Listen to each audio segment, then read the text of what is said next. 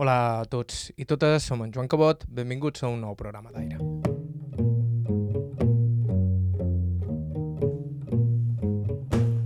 Si a aquells que han viscut en aquest costat del boom ens costa imaginar com era la vida abans de l'arribada del turisme, el vot és encara més gegant si intentem fer-nos una idea de com eren les coses abans de la Guerra Civil.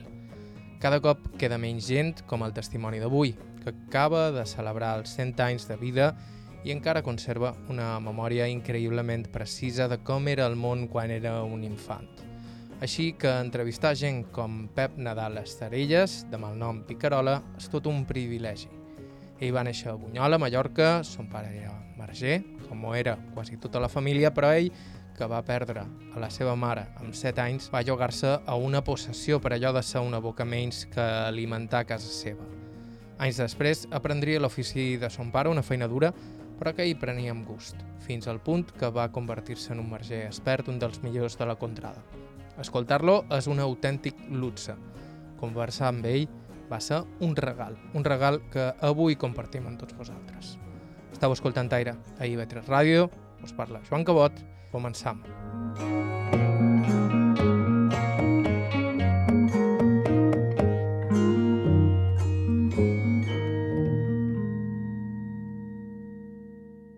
I som a Can Pep Picarola, nascut a Bunyola, però resident des de fa dècades a Sa Cabaneta, Marratxí.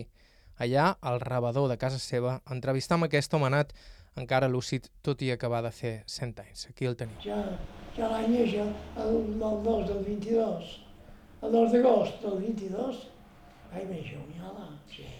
La meva família venia a Gascant, Camp Picarola. Els germans no els ha conegut. La càmera instrument eren músics.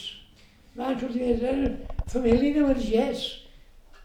Que el meu partit, paterno, eren tots vergers, partit de mon pare i els meus tios. A casa meva mare eren tots vergers.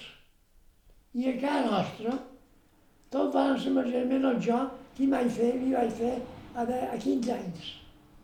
I ma mà, la família, de casa, casa guitarrona, casa guitarrona, els deien, la, ma mare li deien Catalina guitarrona.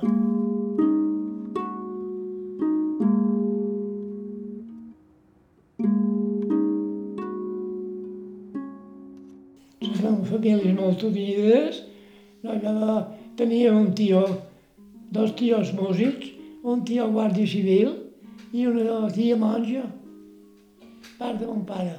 I part de ma mare, hi havia els homes que eren vergers i, i com que ma mare va morir quan jo tenia set anys, ja no vaig tenir més mare.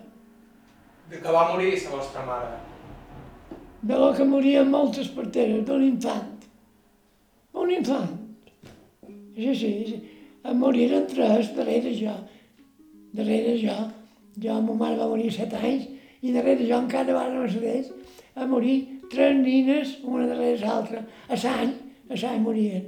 Una, una, una meningitis, una diarrea i tot això.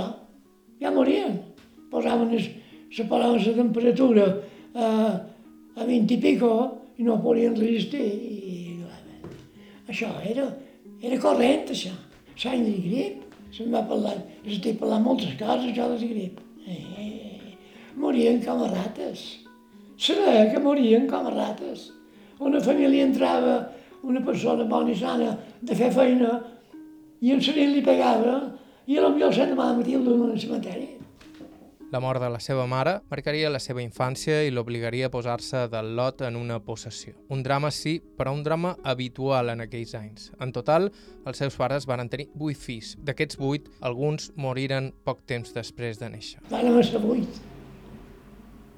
Però jo només el vaig viure els que feia quatre.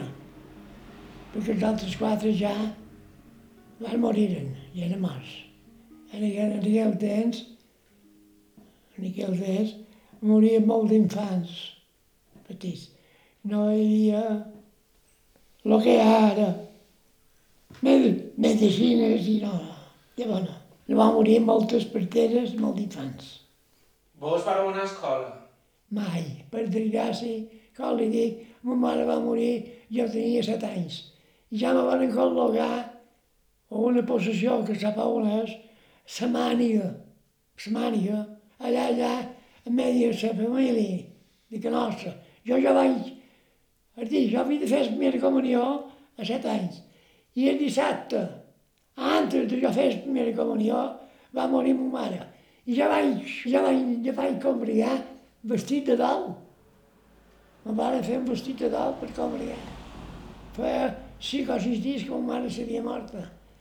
I ja me dugués en la màniga.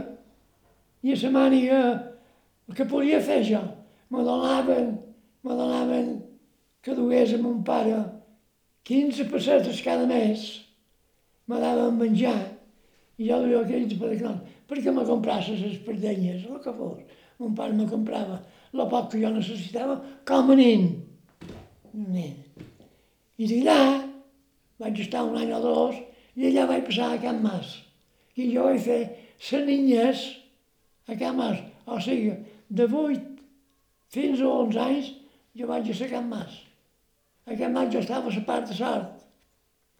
I a la part de sort feia herba per escorells. M'unia dues capes que hi havia. La malala aquí de, de dalt, perquè vaig anar a baix aquí on és la que volien, no sé, no sé, no sé si mira per l'urbanitzador. Bé, aquí baix la carreta de la vaqueria, hi havia vaques, jo segava un faus, si la madona de dalt es fos, perquè de sort venien sempre coses, verdura, i jo me deia, pep, d'aquella finestra, perquè la senti, pep, me pujaràs dues calfores, me pujaràs un manat de bledes, me pujaràs un, un, un, una grapada de tomàtiques, perquè la dona havia anat a comprar i no ho havia tingut, i per la finestra me cridava.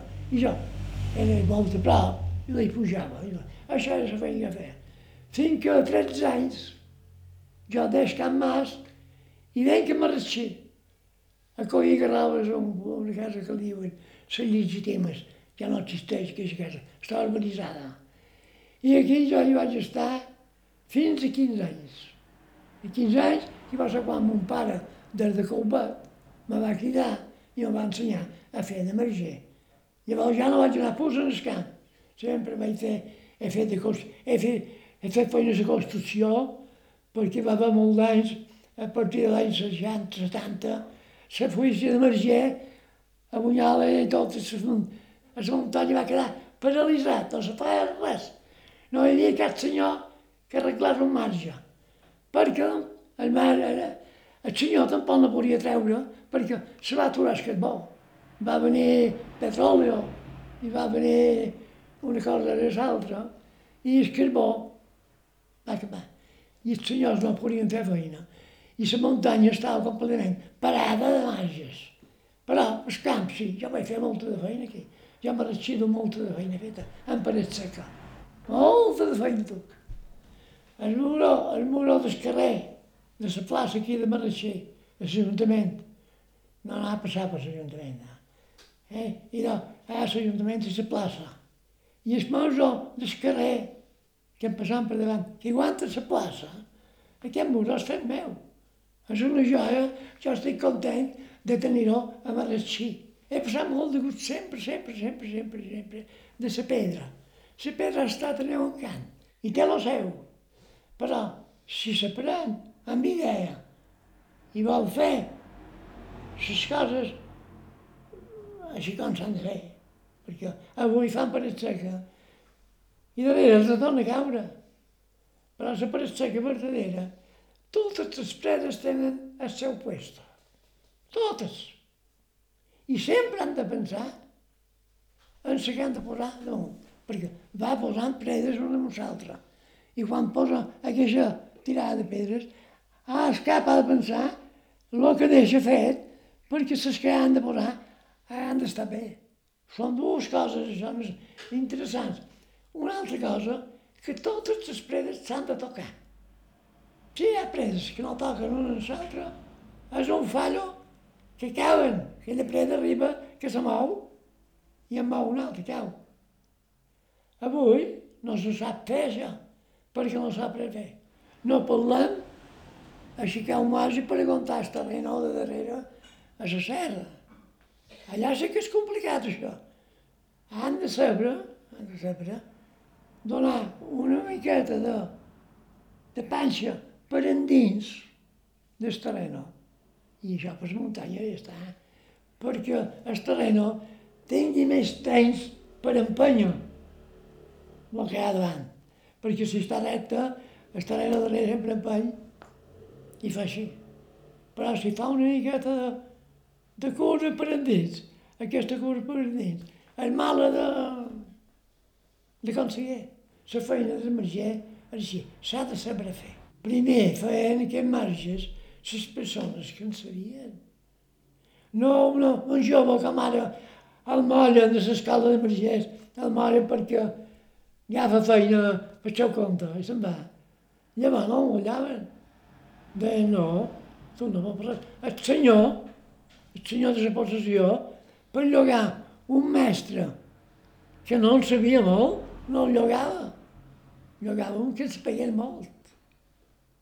I que el que en sabia molt, si no podia fer el tot sol, llogava a família, a companyeros, perquè hi havia estat de marger, de vegades eren de 10 o 12 que feien feines. L'ofici de marger, com explicava, el va aprendre ja de jovenot, durant els anys de la Guerra Civil, perquè els seus dos germans majors havien hagut de partir al front. Però no és el seu únic record d'aquells anys convulsos. El primer, feia un any, quan va estudiar molt la, la Guerra Civil, estava per llicenciar ja, però feia un any que li havia tocat a Marruecos. I era Marruecos. I el general Franco va pagar el cop d'estat dos dies antes a Marruecos que aquí. I el meu germà ja va quedar intervengut en l'estat, en l'estat de guerra.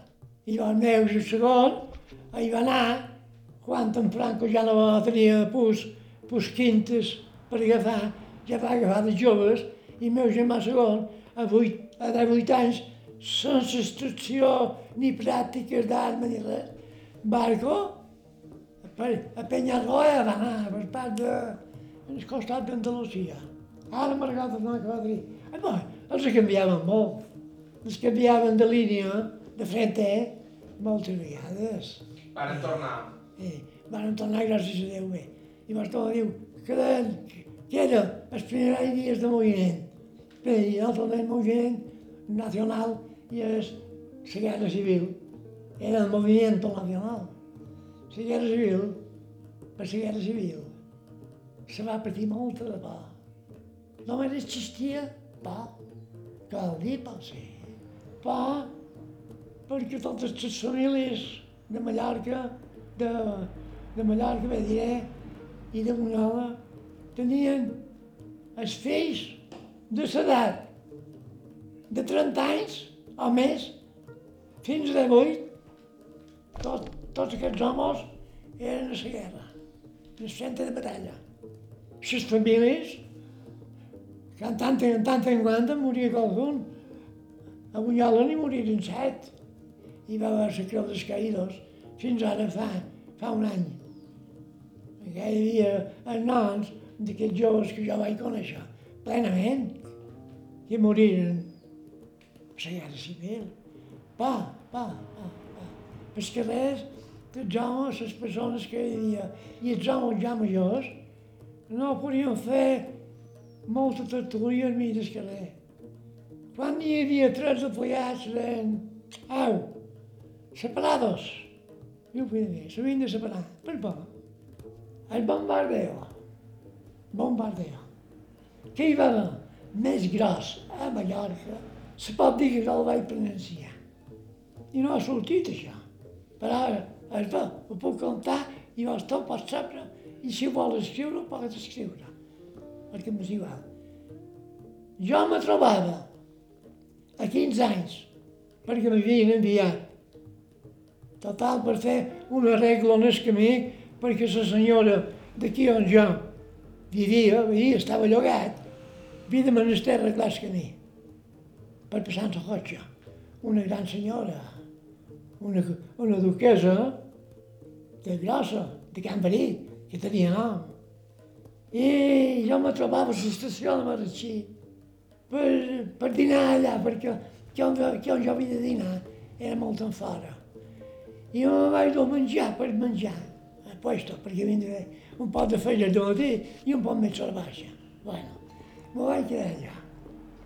Damunt l'un i deu, més l'un i deu del, del migdia, no era l'un i quart. Dia 7 de novembre del 30... del 37. No, no, no, me recordo, el 37. Havia començat el 36.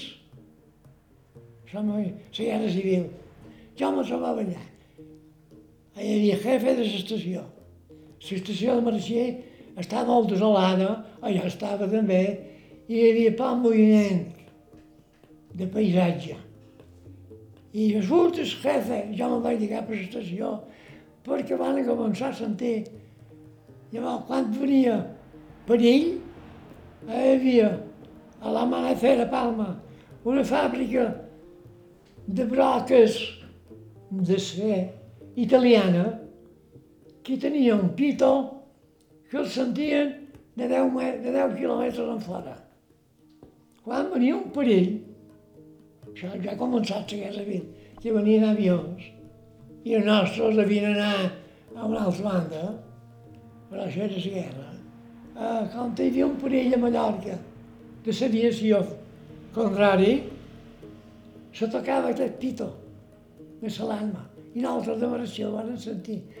Més, el tren, el ferrocarril, l'estació a Palma, tenia un pito per personal de la companyia, hora de feina i hora de deixar i també el sentien de tot Marratxí.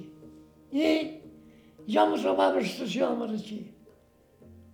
I amb això sentim aquestes sirenes, va sortir el jefe i me crida. I jo vaig anar de cap a portal de l'estació i va dir, ai, mestre, què faig? Sí, faig feina aquí, sí. Déu-n'hi-do, veniu. I Ventura, quan veié en aquella paret d'allà, passava una siqui així d'ample que agafava aigua de la part d'aquí on hi ha el, Festival Parc, una psiquiatra, i duies aigua que abasteixia el poble d'Esplà de la Terra. No sé si sap on és Esplà de la Terra. I doncs, bueno, per aquí passava que sé que per davant l'estació de Marratxí. I però no passava aigua.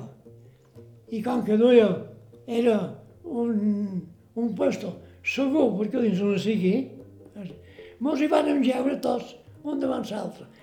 Jo sé que vaig alçar el cap vaig veure set, set i set, tinti una parada d'aviació, que venien uns, com van ensenyar el nostre dret, nosaltres ja vam sentir brots dels arbres que nosaltres teníem, estàvem a davall, que caien. Vol dir que ja caia metralla per a nosaltres, però no mos tocava. Els avions passaven va ser bombardeo millors que han fet a Palma. Millors que han fet a Palma.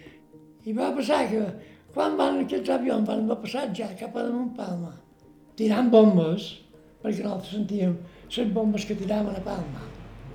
Ah, però nosaltres m'ho havia passat. Ah, hi havia un tren que sortia d'Inca i passava per la una, a la una i mitja per Mareixer, però l'havien aturat a l'estació de Santa Maria per pa per pa, perquè aquests avions se sentien des de Mallorca. I, i, i va aturar. Però com va haver passat tot, els pitos que tocaven l'alarma, jo tocaven una segona pas, i era gran que havia passat, i havia, havia normalitzat tot ja, que podien sortir. Tots els, els, els que estaven en el refugi de Palma ja podien sortir d'aquest altre pito. Bueno, si no sabien res, me'l faran damunt, s'entén? I el tren de Santa Maria demana pas cap a Marxí. El xef de Marxí rep el tren, va arribar el tren. Jo encara estava en Montsendent, ja. Però, quan el tren va quedar aturat, no hi havia ningú que hagués de pujar ni de ballar. I va estar 10, 10 segons aturat, sense res. Però el jefe, blanc, blanc, blanc, de la nostra sortida en el tren va a Palma. El tren arranca I el moment d'arrencar el magossa, el moment d'arrencar, van sentir jaca, jaca, jaca, jaca, jaca, jaca. Un estruendo terrible. I es tren aturat. El jefe baix, el, el, el maquinista baix, el revisor baix, què passa, què passa, què passa, què passa? Que hi havia quasi 20 metres de via que havia volat, havia volat, havien caigut, no eren molt grosses, però havien caigut 4 o 5 bombes dins aquests 20 metres de via, i havien destruït raïls, via, i tot havia volat, i quedaven esclats fets. Van fer les gestions necessàries perquè aquest tren, un moment després, pogués circular cap a Palma. Això ja ho vaig presenciar. No se n'ha per la pus.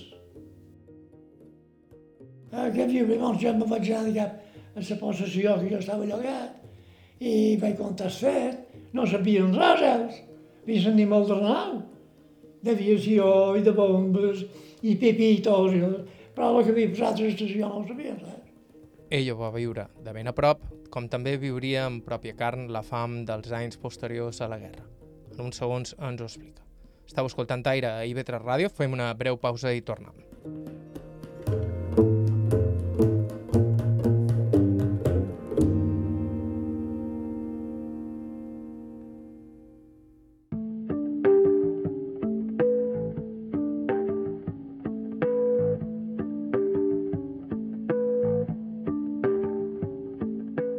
De nou, som en Joan Cabot, estàu escoltant Aire i avui nosaltres estem escoltant el testimoni de Pep Nadal Estarelles, nascut a Bunyola fa ni més ni menys que 100 anys. Pep Nadal, picarola de mal nom, va ser pagès i marger, l'ofici familiar. Com ha explicat a la primera part del programa, la infància de mestre Pep va estar marcada per la mort de la seva mare, que va morir parint quan ell tenia 7 anys, de manera que ell va llogar-se a una possessió per fugir d'una misèria que encara seria més gran després de la guerra. Antes que jo ja havia mort una nina. Jo vaig viure. Després jo, com li he dit, a morir en tres. A la casa no hi havia més que misèria.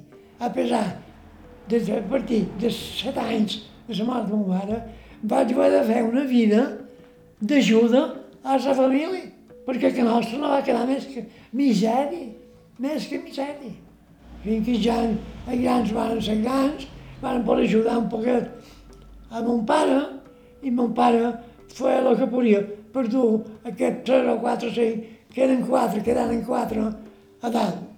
Què havien de fer? Hi ha moltes famílies així, eh?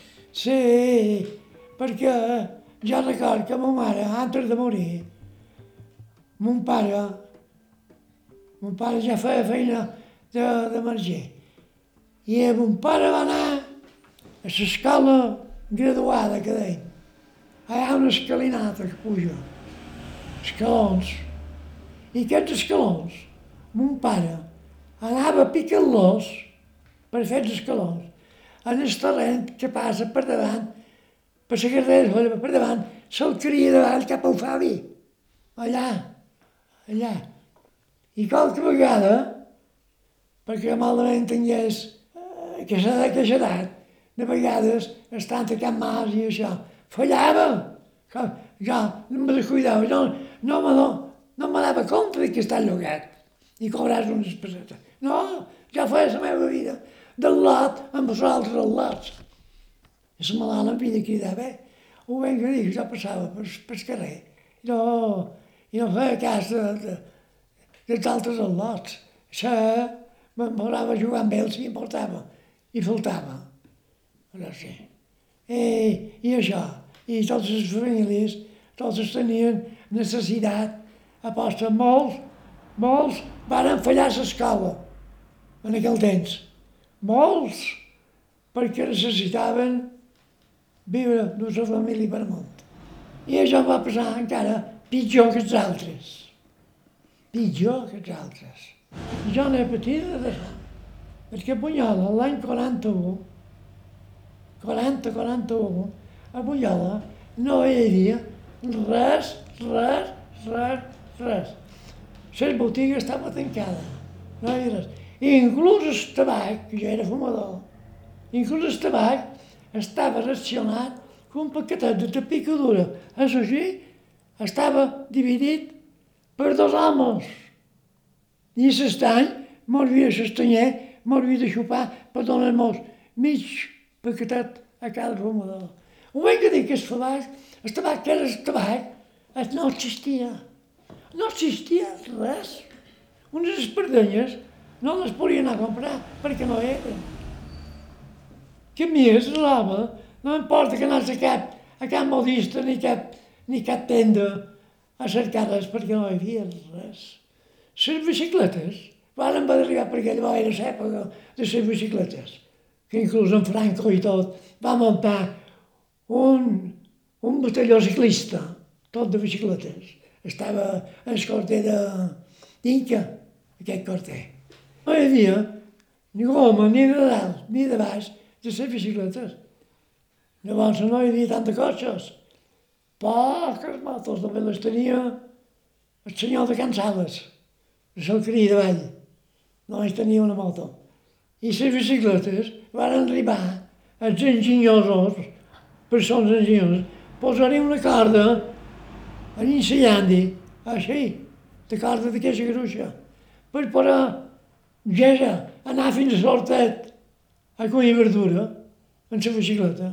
Així que una goma no era, un elàstic no era, res, que res. De menjar no hem de parlar. L'any 40-41 va quedar a tope el menjar. I llavors no se va recuperar molt. La gent se va espavilar i agafava estrell a un companyero que tingués una camioneta, aleshores, i jo llogava pagant el que fos per anar a comprar un pot de, de gènere, per exemple, patates aquí a Sant Jordi, que tot era, tot era hort. Ara no hi ha. Ara no fan, no fan cap patata ni cap moneta a Sant Jordi. Allà va havia una cosa que era molt molt discutit, diria, entre gent i gent, perquè els que podien ho tenien bé, perquè a solla agafava un barral d'oli i se n'anava, que sé jo, qualsevol a la Pobla, per exemple, i de, vaig ficar un barral d'oli, però jo necessit cinc sacs de patates. Deixes oli i vaig aquí les patates.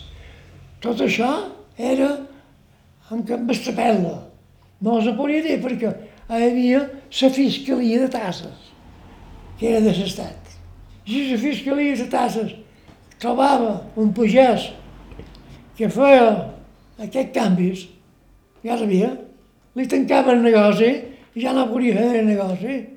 I de tant, tant m'estar per, per, per, per dia, i va aquí, necessites 5.000 quilos de patates per passar l'any, val els taquers, però les altres venga-les. I la fiscalia de es feia això. I vetllava trens, carreteres, tot. Ni queden, ni queden molt, però molt sol de nit, tot el dia, se saludaven un poc. N'hi havia que se saludaven. I inclús hi feien negoci, si el negoci anava bé, el viatge que anava bé, feien negoci, perquè llavors ells també ho venien tres vegades més car que el que anava. I això era la vida d'aquell temps. Mestre Pep sap perfectament que és patifam i ho va saber sobretot durant el servei militar que ell va fer a Menorca. Me va tocar a Menorca. Tenia 21 anys, forçós, va tocar a Menorca. Jo vaig fer 3 anys i un mesos. No diré 3 anys i mig, però quasi quasi. Allà, si el barco, la guerra civil havia acabat i gràcies va acabar el 39. I jo era el 43. El 43, que vaig anar fent servici militar. Però a Menorca, si entre setmana hi havia temporal i el barco se veu anava a la ciutat de Mallorca, a la ciutat de Barcelona, no podia fer un viatge setmanal a Menorca, ja tenia fam, i jo a Menorca vaig arribar, que vaig perdre és caminar i a xerrar. De fam. He patit de fam, jo. De bon de veres. Varen tenir, que jo me van donar com a perillar, sinó per fugir d'escorter. Feien destacaments, perquè nosaltres ja era d'enginyeria. I muntaven destacaments precisament per les plagues, per fer pràctiques militars, posar piquetes, posar alambrades, coses així, coses d'enginyeria. I mos duien un puesto fora de la capital, un puesto requisat que pilléssim. Nosaltres estàvem en una granja que ja estava abandonada, a just vora el Port de Maó. I el meu corter era a la casa del castell, a Villagalos. Però estàvem allà. I allà teníem un jefe que guardava el cupo, que érem 25-30 soldats. I ell tenia el mandango de fer les gestions del menjar i li donaven una subvenció del bes, o són, i li deien s'ha de menjar, s'ha de menjar bé. Però només a aquest dos bes. Subministraven patates, subministraven oli, subministraven sucre. I aquest bon senyor, que era un criminal, mos va començar a donar per dinar xocolata en cafè. Jo no havia begut mai, però no sé si n'he donat, si donat beure ja. Era mal d'emprendre. Cafè en xocolata. Fet de corte. Per sopar mos demanaven una tableta de xocolata a sushi per sopar. I a més, vinc de fer un llarg camí per la carretera que va d'esport a la mola, que la mola mo té nom, per arreglar la carretera. I vinc de fer matxaca per la vorera de les carreteres i tirant-la, fer caramulls a dins la carretera per llavors es posar el pis de la carretera, perquè llavors es soltava encara. I fèiem aquesta feina i fèiem dos, de dos a tres quilòmetres a peu cada dia. I menjàvem menjar. Però arribàrem que un dia les cames mos feien mal. Un soldat al jefe, no, jo no puc caminar. I jo, ves, ponte en cama. I després d'un altre, per un altre. Fins, fins que la companyia que perteneixien se dan compte perquè se feien part cada dia de l'estat i, i es part de avui entraven dos de baixa, demà n'entrava un altre, passat demà n'entraven tres, quedaven la baixa. Què passa tanta baixa? Què passa tanta baixa? I hi havia un que era mallorquí, que era de, de Porreres, que se cuidava d'anar en el nostre corter a Villa Carlos a cercar el nostre pa, cada dia, xuscos, i els vols repartia allà. I un dia va trobar el governador militar, que aleshores, de Mallorca, aleshores era molt mallorquí, per mi eren tan fortesa. I va trobar aquest soldat amb son mol, amb un mol a posat, que passava per dins, Maó, cap i cal, perquè Maó de Villagalos està a 100 minuts caminant. I li va demanar, li va dir, diu, ¿dónde estás, soldado? Diu, a tal sitio. Diu, ah, sí? I va filar aquest, el comandant militar, vestit de paisà. Va dir, diu, ¿y dónde vas? Diu, voy al cuartel de Villacalos a poner, los, por el pan con la tropa. Dice que ordan allí para comer bien, comer bien.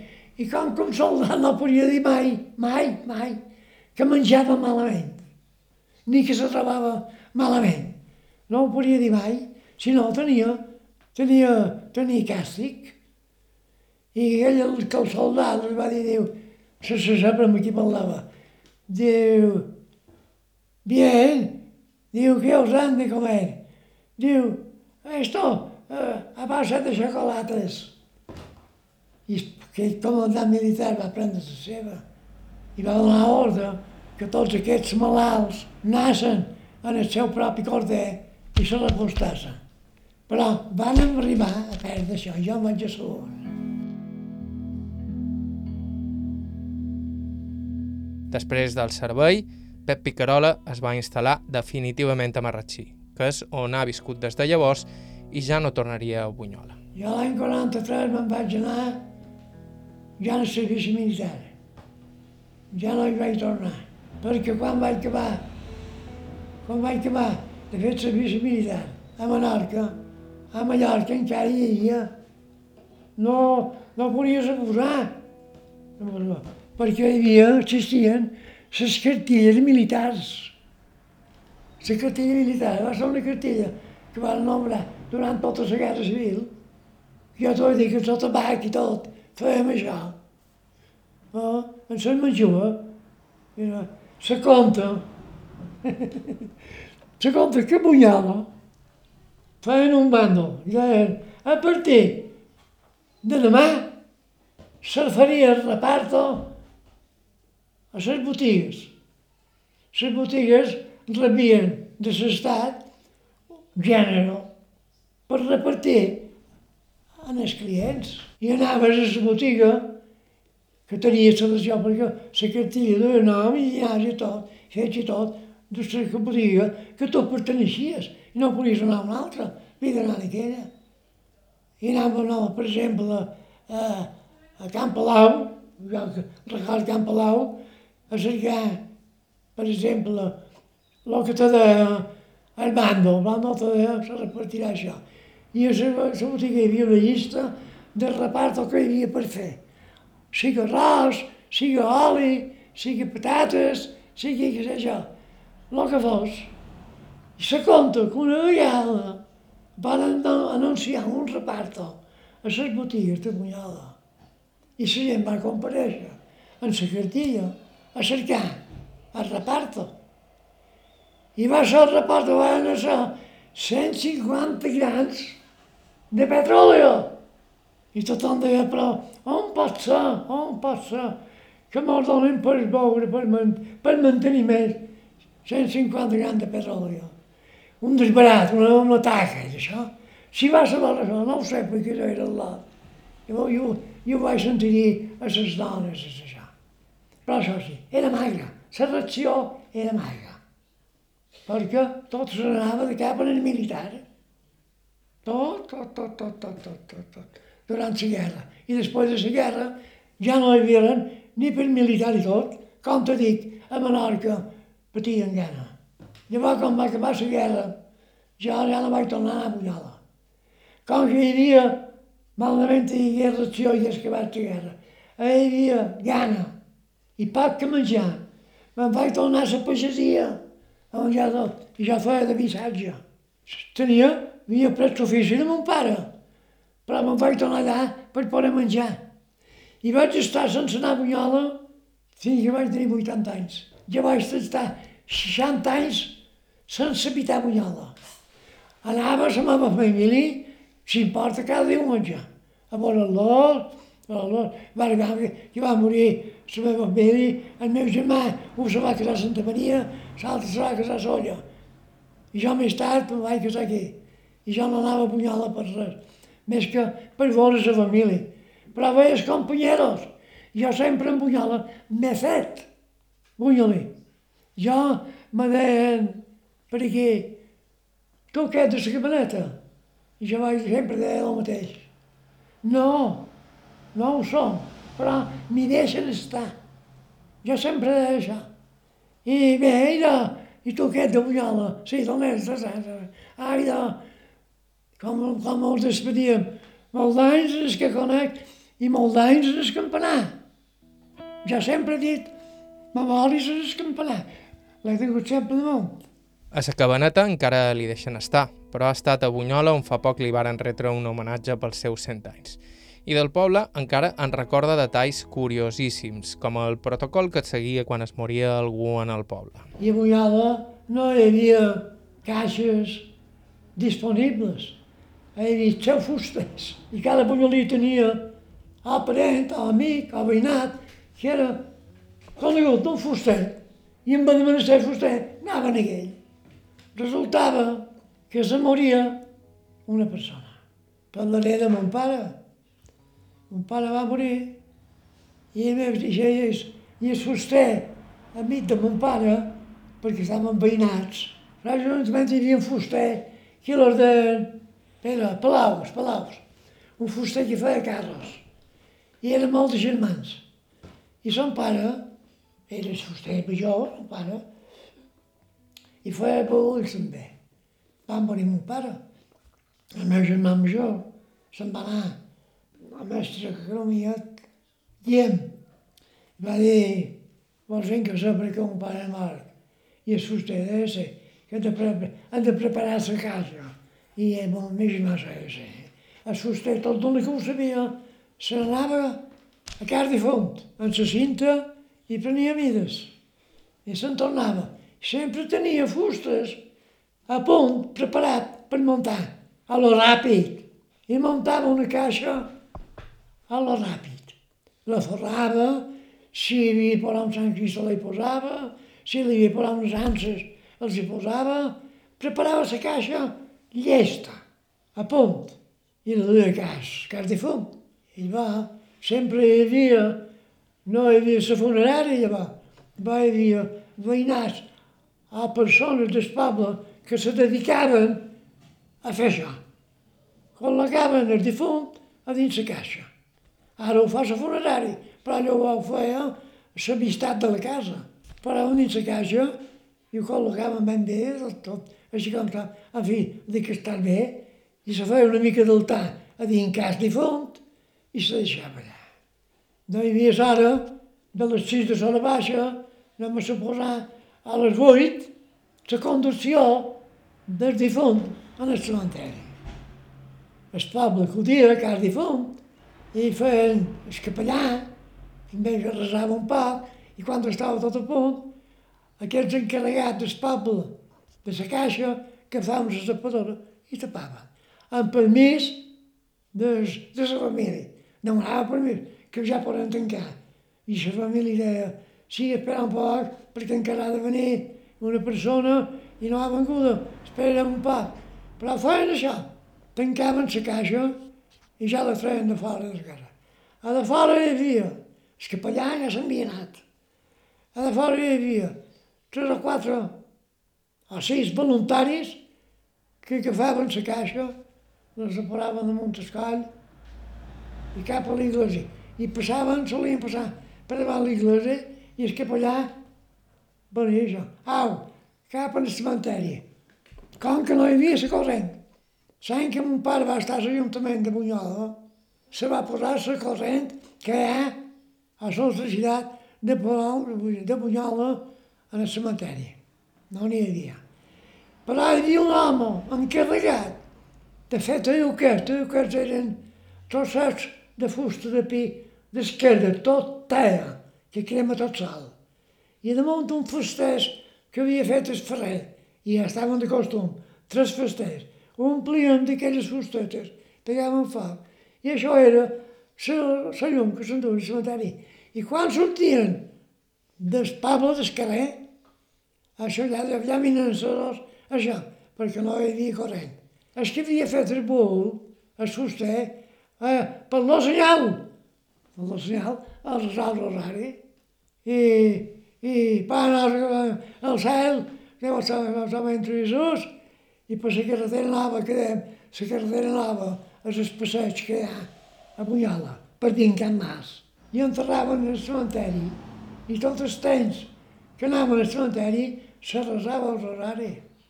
Fins a la porta del cementeri. A la porta del cementeri, si no havia acabat, acabava. I tothom entrava en el cementeri. Deixaven el difunt en el depòsit, ja estava fet. Cap a les pobles estava fet. Però solien donar, solia tenir, eh, a l'arribada del cementeri, solíem convidar a veure una caselleta. Hi havia els encarregats, tenien dues o tres botelles allà i, donàvem que veure. La carretera nova, el camí del que parlava fa uns segons, ell la va veure fer. És a dir, que recorda com es va construir un element inseparable de la imatge que els punyolins tenim del poble. No, jo aquest, aquesta carretera, això, jo ho he dit fer. Jo he dit fer aquesta carretera. Des de baix de tot fins a l'entrada del poble. A la part de Can Mas ha un murós més alt que jo. I de jo això ho he fer.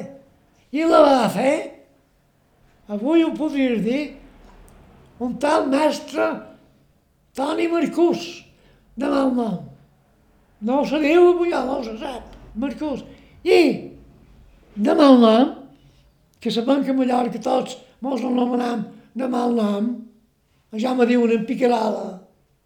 I en aquest mestre li deien en Perdiu Santa. Mira quines coses arriben aquí. No veu? No que no, que no he dit coses extraordinàries, no? I l'heu vist a fer en aquesta carretera? Bueno, l'he vist a fer. Vist a fer. Perquè jo estava a Can Mas. I a Can Mas sempre he dominat aquesta carretera. I una vegada, un home que venia un tros de terra a de vora Sant Vivat, de fet Sant Vivat, saps Sant Vivat, i anava i venia cada dia d'aquesta terra, d'aquesta quadrada, a mig, no sé què, amb un cavallet blanquinós, i va arribar que van passar tota una aquesta carretera va tenir una miqueta de pas, però no va anar a voltar pel cos de vell, parar, perquè altres anaven per alt, anaven per alt. Bé, com van tenir pas per poder passar, per poc que poguessin ja passaven. I aquest home, venint de la seva finca, va per travessar cap a la plaça. Per aquí. I jo era Can Mas. I vaig mirar a veure aquest home que venia. Però com va ser en el punt més alt d'aquest muro, que és a Can Mas. És que aquest cavallet va trobar un buciat, que llavors era mal fa, no? Va fer un buciat i se va fer pa. I va començar a recular, recular, recular. I jo vaig veure aquest home, carro, i molt, i vist, i cavall, que queda en aquest mur de parat. El cavallet va ser mort, però aquest home almenys va tenir part d'espinada rampuda. Va viure, sé que va viure molt de temps. I jo, com que era un nin, me vaig callar i no vaig dir res a ningú, però jo vaig veure aquest fet. I va més endavant, hi va haver també un fallo del muro, perquè qui volia tirar grastos al mig, en tirava. I no hi tirava matxaca, ni pedres, que feien com... Hi tiraven de tot, guix i calci, i terra, i de tot. I clar, va venir un moment, recent acabada, pensant en els dos o tres anys, que un, un bocí d'aquest buix tot en va caure. El que fa un poc que te deia, si estava mal fet, un muro. No és que està mal fet, és que lo de darrere empenyia més que la consistència que tenia davant.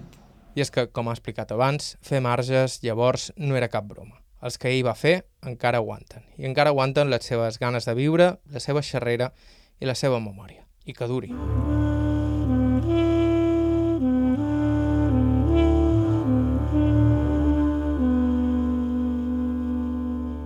fins aquí el programa d'avui. Moltíssimes gràcies a Pep Nadal Estarelles i les seves filles pel seu temps i amabilitat i moltíssimes gràcies a Bàrbara Suau i Maria Cabot que ens varen facilitar el contacte. Sempre estem cercant testimonis, així que si teniu alguna proposta o suggeriment ens podeu escriure a aire.ivetresradio.com La millor manera de no perdre's cap dels nostres programes és subscriure's al nostre podcast a qualsevol dels agregadors disponibles o bé a través de ib3.org barra carta on trobareu tot el nostre arxiu. La música que feim servir habitualment és de Joshua Abrams, Mary Sanderson amb Jim White, Jaume Tugores, Oren Ambarchi amb Johan Berthling i Andreas Ferlin i Charles Rumbach. Bàrbara Ferrer, la producció executiva, us ha parlat Joan Cabot, gràcies per ser a l'altre costat i fins la setmana que ve.